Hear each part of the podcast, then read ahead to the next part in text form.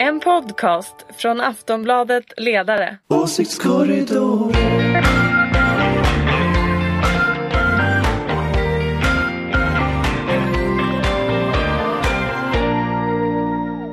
Hej och välkomna till Åsiktskorridoren, podden där vi försöker reda ut vad som egentligen händer i den svenska politiken.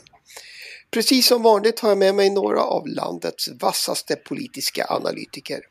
Redo att sätta tänderna i veckans händelse finns Ulrika Schenström, chef på den gröna och liberala tankesmedjan Fores och oberoende moderat. Välkommen! Tackar så mycket. Här finns också Jenna eh, som är med oss på Aftonbladets oberoende ledarsida under några veckor. Välkommen! Tack. Och Anders Lindberg som är politisk chefredaktör på samma oberoende ledarredaktion eh, på Aftonbladet. Välkommen! Tack, tack. Själv heter jag Ingvar Persson och arbetar till vardags också på Aftonbladets ledarsida. Idag är det dock mitt uppdrag att leda det här samtalet. Det är onsdag och inte måndag men annars är kort sagt allting precis som det brukar vara. Jag tänkte vi skulle börja med en recension. I helgen förklarade Ulf Kristersson att dagens regering inte bara för en dålig politik, den består av dåliga människor. Så här sa Kristersson till Dagens Nyheter. En annan sak är att tillsätta statsråd som är riktigt respekterade människor. Idag har vi ett stort antal ministrar som brister i det avseendet. Som inte är människor som inger riktig auktoritet hos andra människor. Eh,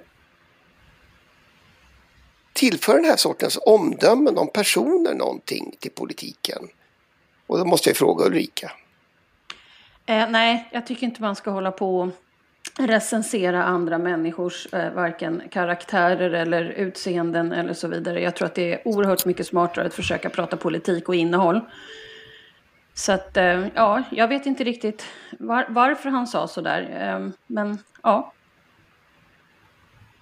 Du tyckte det var lite konstigt? Jag, jag tyckte att det var lite konstigt. Jag, fick också en känsla att man, man, ska inte lova statsrådsposter till folk innan man har skjutit björnen faktiskt. Jag tror att det är och sålt skinnet faktiskt. Eh, utan man måste faktiskt trots allt gå till val på innehåll. Det är inte en presidentvalskampanj det här eh, vi har i det här landet utan vi har en, liksom, en demokratisk ordning när man väljer eh, på politik. Eller också är det så att man kanske vill ha det till en presidentvalskampanj, jag vet inte. Ja, men att han vill bli statsminister är väl inget, ingen överraskning. Det har väl framgått. Ja, och det är väl heller inget konstigt. Det borde väl varenda partiledare vilja bli, så det behöver man inte vara någonting att skämmas för. Nej. Men jag tror att det är onödigt att fälla en massa omdömen om folk på det där. Men jag vet inte, det kan vara olika i arbetet också. Man får inte man får analysera för mycket. Nej. Eh, Jenna, hur tänker du om, om den där sortens men jag tänker att det är väldigt amerikanskt. Alltså att man tittar på karaktären, är det en auktoritet? Är det en lång personlig kostym som kan vara liksom ledare för den fria världen? Um, men det kanske inte riktigt hör hemma i svensk politik där man röstar mer på ett parti än en, en person. Ja, men har han rätt Anders? Eh, består regeringen av personer som inte riktigt eh, inger eh, respekt hos andra människor? Nej, det tycker jag inte. Det, det, det, det, vet jag väl inte. Det beror ju på vilka människor liksom. Jag, jag, tänker att den moderata riksdagsgruppen har väl kanske inte så mycket respekt för regeringen. Eh, och, och, det kanske de inte ska ha heller. Eh, för de ska ju opponera mot regeringen. Men, men sen tror jag ju att, att den här typen av eh, önskan efter liksom starka män som ska styra och ställa man får känslan av att det är Carl Bildt som ska ha alla poster i hans regering. För, för Bildt han, han körde ju samma stil. Han sa ju att det var hans regering var, var Sveriges mest kompetenta regering och sådana där saker sa han ju när han tillträdde för 20 år sedan. Eh, sen gick det väl inte sådär kanske klockrent alla gånger för de där. Men, men själva grejen, den, den känner jag, den, det finns någonting som vi har hört förut från Moderaterna på det där temat. Det tycker jag. Ehm. Men det är väl klart att man ska vara kompetent om man ska leda ett departement. Det är ju ganska bra. Men, men eh, det är ju inte där saker och ting ska börja. Utan saker och ting måste ju börja i innehållet och vad det är som ska åstadkommas på respektive departement. Att man har att man är väldigt kompetent behöver inte alltid betyda att man funkar i en viss typ av kontext. Det har vi ju sett oavsett om det är partiledarskap eller om det är vd eller så vidare. Människor som har enormt mycket kunskap och eh, positiva saker med bagaget. Så, att, så att allting handlar ju om, funkar man där? Och dessutom kan jag säga, jag som också har varit med och tillsatt både statsråd, statssekreterare och tjänstemän, det är ju att en ett visst typ av statsråd kan ha en viss typ av, av, av alltså är man en en doer eller är man en tänkare eller är man en genomförare? Och då måste du komplettera det där med kanske en statssekreterare som har en annan typ av eh, superkompetens. Att man, man kompletterar varandra men också att pressekreterare, det finns ju en del statsråd som jag har varit med om som är både sin egen stabschefs pressekreterare och statssekreterare. Kan ju ibland kanske behöva då en pressekreterare som är lite mer hård en del kanske är, ja, alltså man måste, allting handlar om ett paket som måste fungera. Så det handlar ju handlar ju om, om kompetens, olika typer av kompetens. Men att börja i det tycker jag känns, ja, jag vet inte. Men lite president så... Det men sen är det väl också det att... det liksom går mot, mot personvalskänsla. Men det är väl också så att det finns, det är inte bara att det är olika typer av kompetens, det är också det att eh, en, att vara respekterad handlar ju inte så mycket kanske om utstrålning och liksom grandeur. Eh, som att vara en, en skicklig administratör många gånger. Alltså, och där tänker jag ibland att man inte riktigt förstår vad en minister i Sverige är. Att, att en departementschef är ju trots allt ett chef för ett departement. En sån här paragraf 4-minister som har liksom ett, ett enskilt eh, område är en minister för ett område men har också vissa enheter på regeringskansliet, vissa myndigheter. Eh, och det där måste man klara av att leda. Och ibland får jag känslan av att när man tillsätter väldigt unga statsråd så har de inte haft koll på det där. De har inte förstått att det är en, en, en enorm apparat att leda ett, ett regeringskansli och det finns en massa motstående intressen i det där. Som kommer att försöka sabotera för dig och tycka något helt annat och fundera på om vi inte ska jobba på ett oljebolag istället. Och därför är på väg någon annanstans. Och, och det där ska du kunna balansera som statsråd. Så att när jag, när jag hör Kristersson och säga att det ska vara respekterade personer, då undrar jag om han inte tittar lite på då blir jag lite orolig för att vi, vi är tillbaka i Carl Bildt, Sveriges mest kompetenta regering. Att det är liksom inte att man inte tittar på regeringserfarenhet och, och, så. För de människorna som är lagspelarna i en regering, de, är inte alltid, de syns inte alltid framför en grå, grå tapet. Men, men utan lagspelarna så är du inte regeringsduglig. Och det där tror jag är en sån där grej som politiker idag måste förstå att, att det där är inte liksom att toppa Aftonbladets ranking i populära ministrar som är liksom som är priset. Håller helt med om det. Men Kristersson har ju suttit i en regering. Men det är två... Jo, men han var ju då, ska man påminna sig om, en av de grå ministrarna som försvann in i väggen. Kristersson var ju ingen som rosade marknaden när han satt i regeringen. Och ska man vara lite elak så kan man ju säga att han kom in i regeringen som socialförsäkringsminister för att den första Reinfeldt-regeringen inte lyckades med socialförsäkringspolitiken och fick kicka sin minister efter valet. Så han var ju inte förstahandsval heller. Ulrika? Nej men alltså det är väl det som, som Anders säger som är det viktiga om vi nu ska gå in och prata om regeringskansliet. Att eh, det är som Anders säger, man måste vara lagspelare. Eh, och du har ingen aning om vilken kompetens du har förrän du kommer in om du inte har varit där tidigare. Men jag tror väldigt mycket på att det är ett paket och inte ett statsråd som det handlar om, utan det handlar om statsrådet och dess medarbetare. Och att man måste komplettera varandra i det här, i det här gänget. För då kommer man bli även lagspeglare gentemot andra departement. Så att det är, ja. Och jag håller med Anders om att det är så här, de som är mest populära är inte alltid de som är bäst på att regera. Sen är det ju en annan sak, jag menar, det är ju en sak att ha varit statsråd, en annan sak att ha lett statsrådsberedningen, eh, vilket är två helt olika eh, erfarenheter när du inte har någon ovanför dig utan du helt enkelt är tvungen att ta vissa beslut hela tiden och orka och våga ta de besluten. Och eh, det kan du ju ha massor Alltid ensam, aldrig ensam. Som... Ju... Ja, precis. Precis så. Som någon sa, som hette Göran Persson. Som någon sa. Ja, eh, alltid förstås. Eh, vi skulle säkert kunna prata jättelänge om det här. Jag tänker att det här är en eh, Eh, alltså en, stor, en fråga som hänger kvar är ju om det här är lite tidstypiskt och om vi kommer se mer av det. Vi kanske får avgöra Men det. får jag, får jag säga en sak där? För jag tänker Ja, det att kan du få göra. För jag tänker att det finns en utveckling över tid här som är lite intressant. Att eh, nu när ett statsråd tillträder så det första statsrådet får göra är att inför media berätta om alla sina försyndelser. Eh, och det där är ju också ett arv på ett sätt från första Reinfeldt-regeringen när statsråd fick avgå för tv-licenser och saker som de flesta kanske tycker var struntsaker. Men idag så berättar man ju struntsaker för att slippa hamna i den typen av drev. Det där är också en del av en medialisering av uppdraget. Där ibland får jag intryck av att folk tänker sig att statsråden är liksom galjonsfigurer och så är det statssekreteraren som ska styra och liksom hålla i, i ordningen. Eh, och jag tror att det där, är, det där är lite farlig utveckling. Jag tänker att det är ganska många som inte har blivit statsråd. Eh, eller inte många vet jag inte, men jag tänker att folk ändå Alltså folk aktar sig från kanske näringslivspositioner eller från andra positioner att kliva in i det där just eftersom det är som att kliva in, jag tror det var West Wing som sa det, att kliva in i en röntgenmaskin. Eh, och, och vad är det för människor som överlever den typen av drev i längden? Eh, det vet inte jag. Jag vet inte om det är liksom rätt personer heller i den här medialiserade världen som vi får till slut.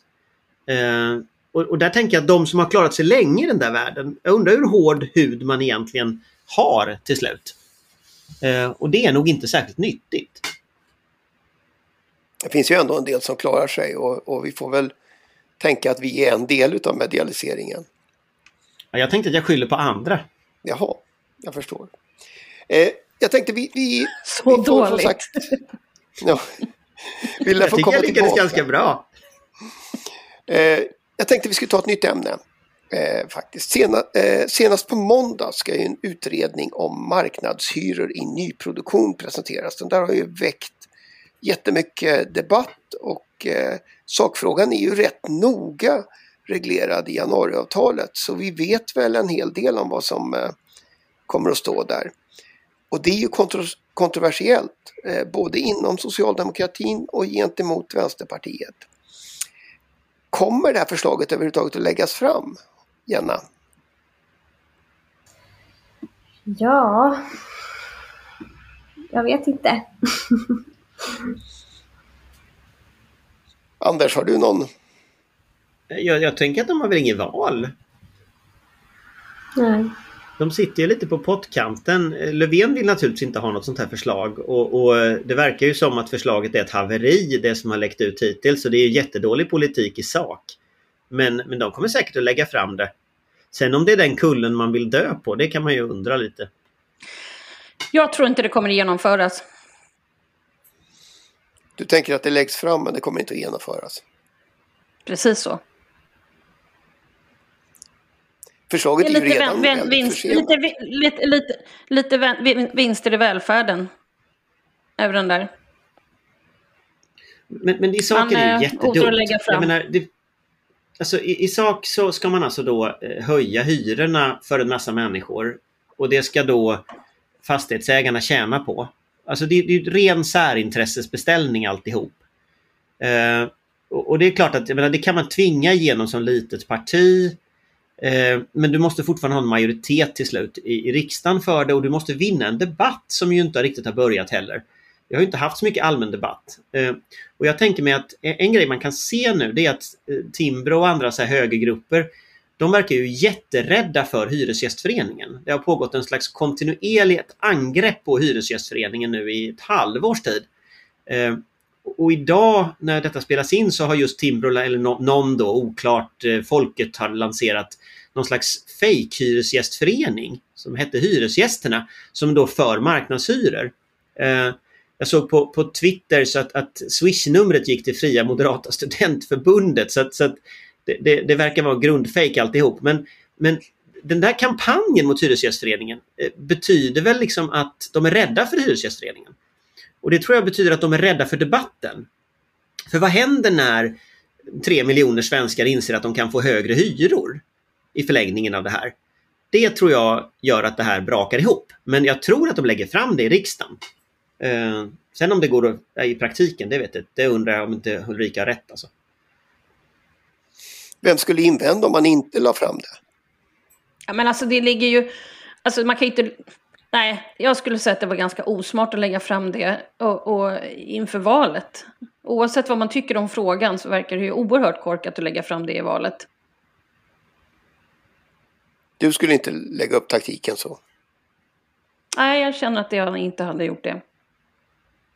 Men du kanske inte skulle ha eh, liksom, drivit igenom en sänkning utav värnskatten som den första åtgärden på ett regeringsprogram Nej, heller. precis. Man får, ju, man får ju välja vilken ordning man gör det och börja göra dåliga saker i början. Inte inför valet. Ja, men, Under pandemin vi, vi hade då... ju alltså i början på pandemin att man inte gjorde det då. För du vet, det hade blivit stort men inte lika stort som pandemin. Alltså under pandemin i början där när det liksom inte fanns en enda artikel som inte handlade om pandemin. Då hade man kunnat gömma hur mycket saker som helst. Så att jag vet inte, ja varför vänta tills nu när det börjar ebba ut och så pratar alla om det istället. Jag vet inte.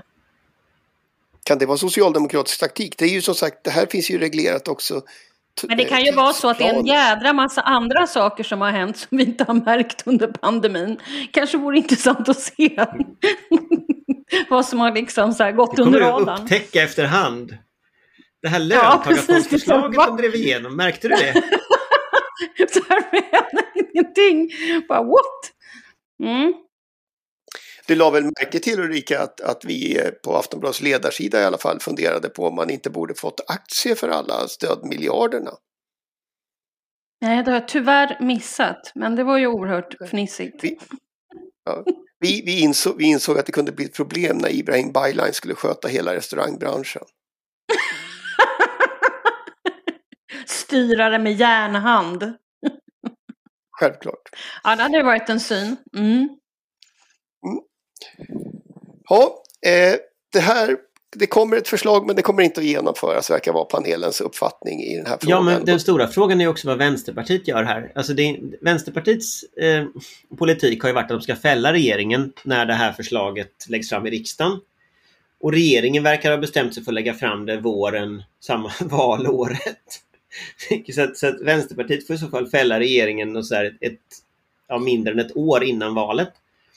Eh, ser det ut som.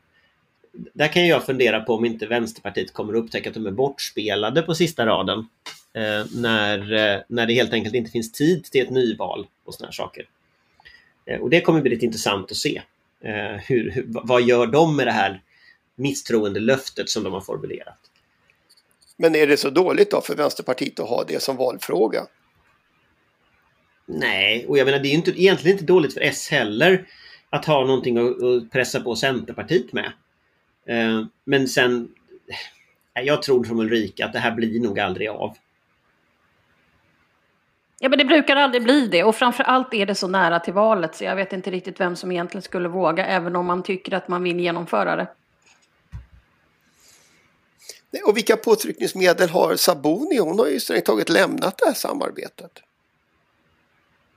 Alltså våren 2022 så kommer ju ingen ha några påtryckningsmedel alls. Så, så är det ju. Eh, sen är ju frågan Socialdemokraterna kanske röst, röstar igenom, det kanske blir någonting, någon variant på slutet som röstas igenom med vissa förändringar för nyproduktion och sådär. Men jag tror det kommer vara ett ganska urvattnat förslag jämfört med vad, vad liksom de liberala debattörer och sånt tror. Eh, och nästa mandatperiod så är det väl liksom förmodligen eh, andra frågor som dominerar dagordningen. Så det kan ju vara så att det blir någon liten förändring men att i grunden så är det systemet kvar. Sen ska man inte glömma det att det är väl ungefär halva beståndet av hyreslägenheter som allmännyttan har.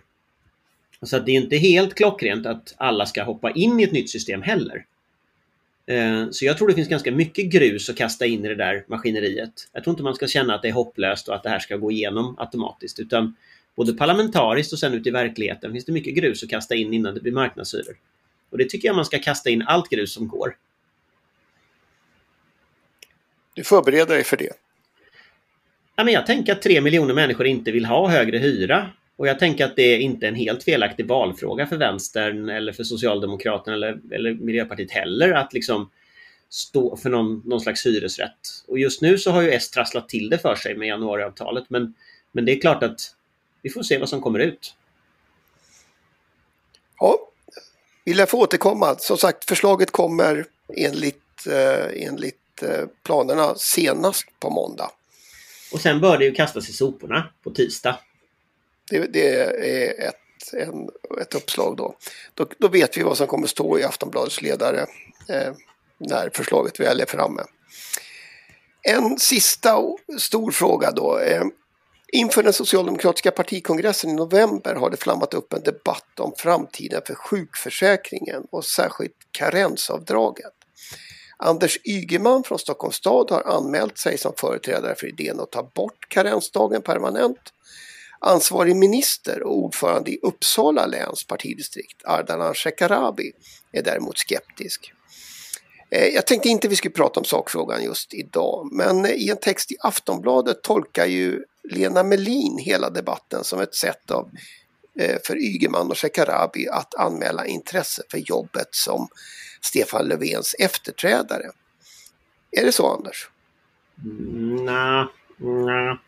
Alltså den här motionen eller den här politiken som Stockholms arbetarkommun har den, den kommer sig ju av att reformisterna fick ju igenom rätt mycket politik.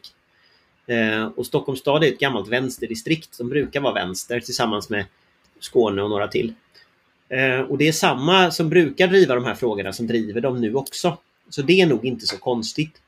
Eh, och, och, inte heller särskilt konstigt att Ardalan Shekarabi eh, liksom tar upp det här, eh, sin vinkel på det. Sen är det nog så att det finns ju, de är ju absolut kandidater efter Löfven. Eh, men de hade nog anmält sitt intresse för mycket längre sedan. Och sen finns det ju precis som, som eh, Lena skriver, det finns ju fler namn. Och, och, idag är ju fortfarande Magdalena Andersson förmodligen det liksom bästa kortet att räkna med. Vinner Stefan Löfven valet så tror jag hon blir efterträdare. Eh, förlorar han valet så tror jag det kommer att stå mellan kanske Ygeman, kanske Damberg, kanske Ardalan. Kanske någon annan. Lena Hallengren har ju seglat upp som namn till exempel. Så det finns ju fler namn. Eh, men det här är en av många strider tror jag innan partikongressen. Du nämnde marknadshyror förut. Jag bara påpeka att den socialdemokratiska partikongressen är ju suverän att bestämma vad den vill. Den kan bestämma att vi inte ska ha några marknadshyror i Sverige. Eh, och då sitter ju partiledningen i, med skägget i brevlådan därför att det är ju 350 ombud från hela landet som inte nödvändigtvis Eh, tycker att 3 miljoner hyresgäster ska få högre hyra. Eh, och, och, och, så, att, så att det är en sån osäkerhetsfaktor för all politik och har alltid varit det. Man ska inte glömma det. Socialdemokraternas partiledning förlorar alltid ett antal frågor på varje partikongress. Eh, så att det kommer att spela roll. Även om det är någon halv-corona-variant som säkert blir genomförd nu. Ulrika, eh, ser du fram emot liksom att följa en partiledarstrid i Socialdemokraterna? Ja, det är ju alltid spännande. Det får man ju ändå säga. Det livar ju upp lite sådär. Men eh, jag tror inte det kommer att bli någon partiledarstrid i Socialdemokraterna. Däremot tror jag att det finns eh, väldigt många som är självutnämnda eh, efterträdare. Jag brukar kalla dem för kronprinsessor och kronprinsar. KP, så kan man ha liksom eh, hur många nummer som helst. KP 1, 2, 3, 4, du vet. Det är ju många som är självutnämnda. Så det är klart att det finns massor som vill spela och gärna skulle vilja ha det här. Och så är de väl flera stycken. Men jag tror inte att det kommer att bli någonting av det. Det är bara min magkänsla. Men alltså att det, att det finns kronprinsar och kronprinsessor som är självutnämnda överallt i varje buske. Det, det, är ju, det är ju goes without saying, finns ju överallt. Och de håller ju ofta på att låtsas att det är någon... också. Ja, nej jag pratar inte om social... Jag har ju inga erfarenheter av, av, av efterträdare och part, partiledarstrider i Socialdemokraterna. Så jag bara pratar efter egen erfarenhet i ja, andra partier. Vem är kronprins i, och kronprinsessa i Moderaterna? Ingen aning faktiskt. Men det finns Johan säkert Forssell väldigt... ser sugen ut. Ja, så var det någon Expressen-artikel där med med eh, Johan Forsell, va? Det var väl det. Men alltså man vet aldrig. Du vet, man, man måste vara väldigt insatt i ett parti. Eh, och jag är som sagt oberoende moderat just nu och är faktiskt inte jättemycket inne i, i partiet. Eh, så jag kan faktiskt inte uttala mig om vad som egentligen pågår. Så att det kan ju finnas någon, någon som jag, vi inte ens har tänkt på. Men nu pratade vi ju om Socialdemokraterna så att vi kan ju vara kvar där så kan vi ju prata om Moderaterna en, en, en annan gång och då kan, vi ju, kan jag ju läsa på till exempel. Men, men, eh, jag men tror, jag, så här är det alltid. De har, Jag tror alltid att det är så här och sen är det ju alltid så att det är ett val och efter ett val, beroende på hur det har gått, så är det ju alltid så att det är några självutnämnda som gärna tar över. Och så är det ju alltid. Eh, och nu är det snart Jenna, bara ett år kvar till valet. Ja, hur, hur tänker du? Hur snart är det liksom dags för partiledarskifte i Socialdemokraterna? Alltså jag tänker att den här frågan just med karensdagen kommer vara, jag tror att det kommer vara avgörande och ta, ta ett ja, men skifte, vilket, vilken ställning ska partiet ta i framtiden i post-corona, liksom, vilket, vilken väg ska man gå? Um, och jag tror att både um, liksom Ardalan Shekarabi och Anders Ygeman visar att så här, de visar vilken, vilken ställning de vill ta. uh, och att det kommer, kommer ändå vara viktigt om man tänker för folket. Om man tänker vad som har varit liksom viktigt vardagligt sett senaste ett och ett halvt året. Så att, så att eh, jag tror ändå att det kommer vara diskussioner kring, kring partiledaren. Men eh, det återstår att se. Och om sakfrågan, uppenbart. Ja, exakt. Okej hörni, jag tänker faktiskt att vi ska hinna med ett, eh, en fråga till. En riktigt snabb fråga. Eh, regeringen fastställde ju nyligen nya jakttider för olika vilt. Bland annat flyttas älgjaktspremiären till ett fast datum. I södra Sverige så blir det den 8 oktober. I år är det en fredag. Eh, och det här är ju en stor fråga i de delar av landet där jag befinner mig. Så nu måste jag ju fråga panelen. Är det här ett bra beslut? Ulrika, du får börja. Du är i alla fall den som begriper frågan bäst. Ja, alltså absolut inte. Jag tycker att det här, don't fix what's not broken.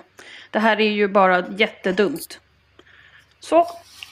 I vanliga fall så är det ju eh, andra måndagen i oktober, alltså i mellan och södra Sverige. Så jag, jag tycker att, nej men det kan man inte göra. Det, det går inte. Det handlar om hur solen står och hur folk är vana vid att, jag menar till exempel i Årgäng, då är ju sko, de har ju skollov när det är älgjakt för att alla ska vara med och jaga och så. Det är ju, det är ju det är inte en överklasssport utan det är ju en, eh, eh, det är en folkrörelse.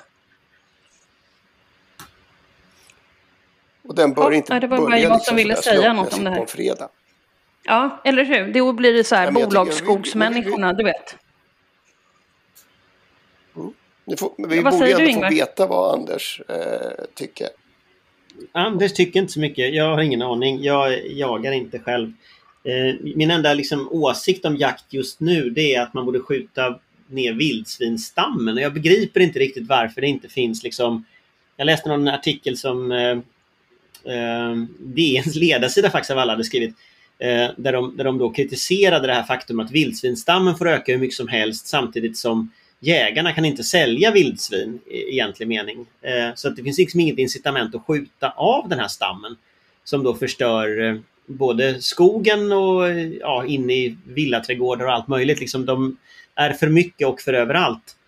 Så där tänkte jag, det tyckte jag lät klokt av DNs ledarsida att man skulle få göra det möjligt för folk att skjuta mer vildsvin så att också jag kan grilla lite vildsvin. Eh, vilket vore trevligt att kunna köpa i affären. I, I min affär noterade jag så fanns det antilop kunde man köpa. Man kunde inte köpa vildsvin och det tycker jag är lite konstigt måste jag erkänna.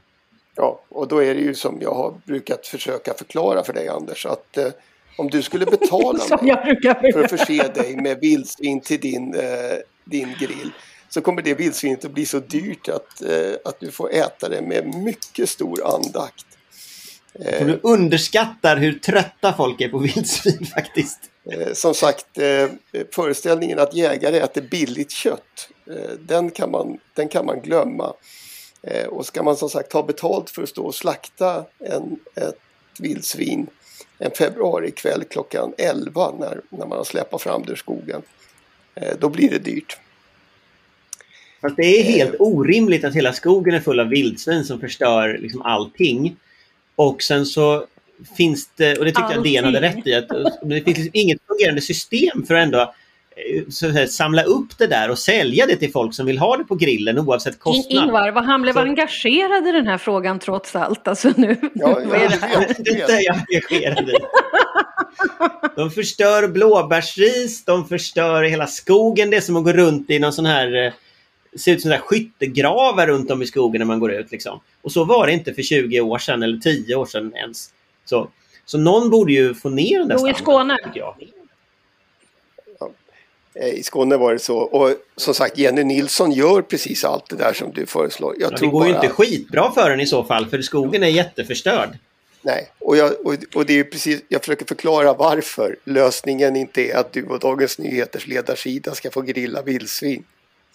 Jag tror att det är en dellösning. Jag tror ni underskattar Nej, nej, nej, jag, jag är... efterfrågan på det. Eh, vi, får, vi får återkomma till ämnet. Jag tycker du borde eh, och- skriva en replik då i sådana fall till Dagens Nyheters ledarsida. För jag tycker de hade en stor poäng. Så kan du och vad heter han, Rundberg där diskutera vidare det. Jag, jag tror jag skrev en replik när Ebba Busch var ute och, och argumenterade på samma sätt med förslag hon hade lånat raka vägen från Livsmedelsverkets utredning i ärendet.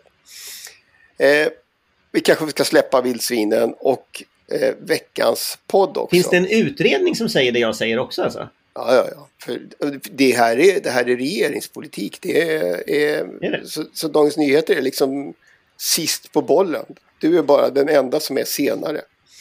Eh, det var det vi hinner med den Det här är veckan. bra där Ingvar. Hej, jag är Ingvar. Eh, den här veckans lite försenade åsiktskorridor eh, är i alla fall på väg att ta slut. Jag vill tacka Ulrika Schenström, Anders Lindberg, Jenna Al-Mashoudi och naturligtvis dig som lyssnar. Utan dig skulle den här podden inte ha någon mening alls. Tack så mycket och hej då! Hej hej! Hej, hej! En podcast från Aftonbladet Ledare.